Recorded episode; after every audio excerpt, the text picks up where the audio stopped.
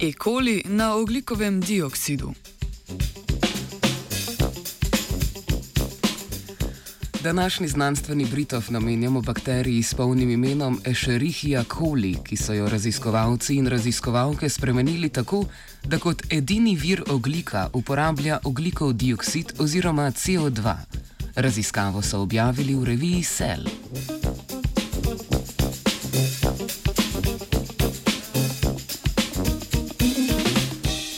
Svet lahko v grobem razdelimo na avtotrofne in heterotrofne organizme.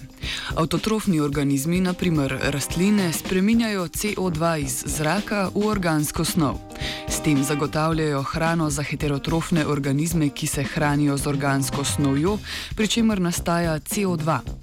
Med slednje spadamo tudi ljudje in preučevana bakterija, na kratko imenovana E. coli, ki se pogosto uporablja tudi pri biotehnološki proizvodnji pomembnih biomolekul, naprimer inzulina.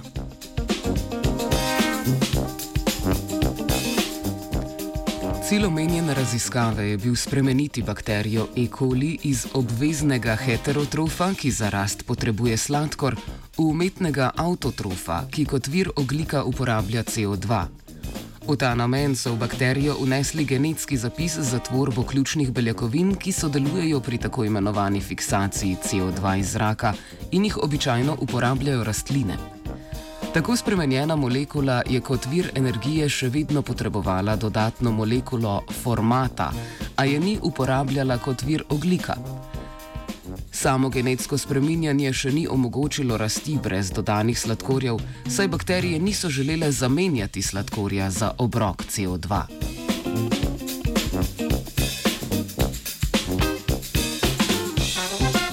Kljub temu, da je z vnosom genov bakterija imela vse potrebne beljakovine za avtotrofno rast, pa sta jo omejevala spremenjena regulacija in izražanje genov v E. coli. To je raziskovalce in raziskovalke privedlo do odločitve, da uporabijo bakterijsko evolucijo v svoj prid. V laboratoriju so ustvarili pogoje stalnega pomankanja hranil in presežka CO2. Upali so, da se bodo bakterije skozi čas s kopičenjem mutacij prilagodile novi prehrani in začele fiksirati CO2.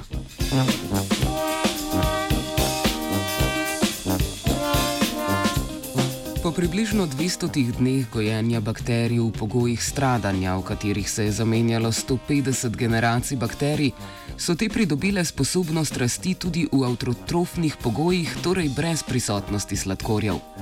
Takšna hitra sprememba načina rasti bakterije kaže na veliko zmožnost prilagajanja bakterijskega metabolizma, hkrati pa dokazuje moč uporabljenih metod genskega spreminjanja v kombinaciji z usmerjeno evolucijo.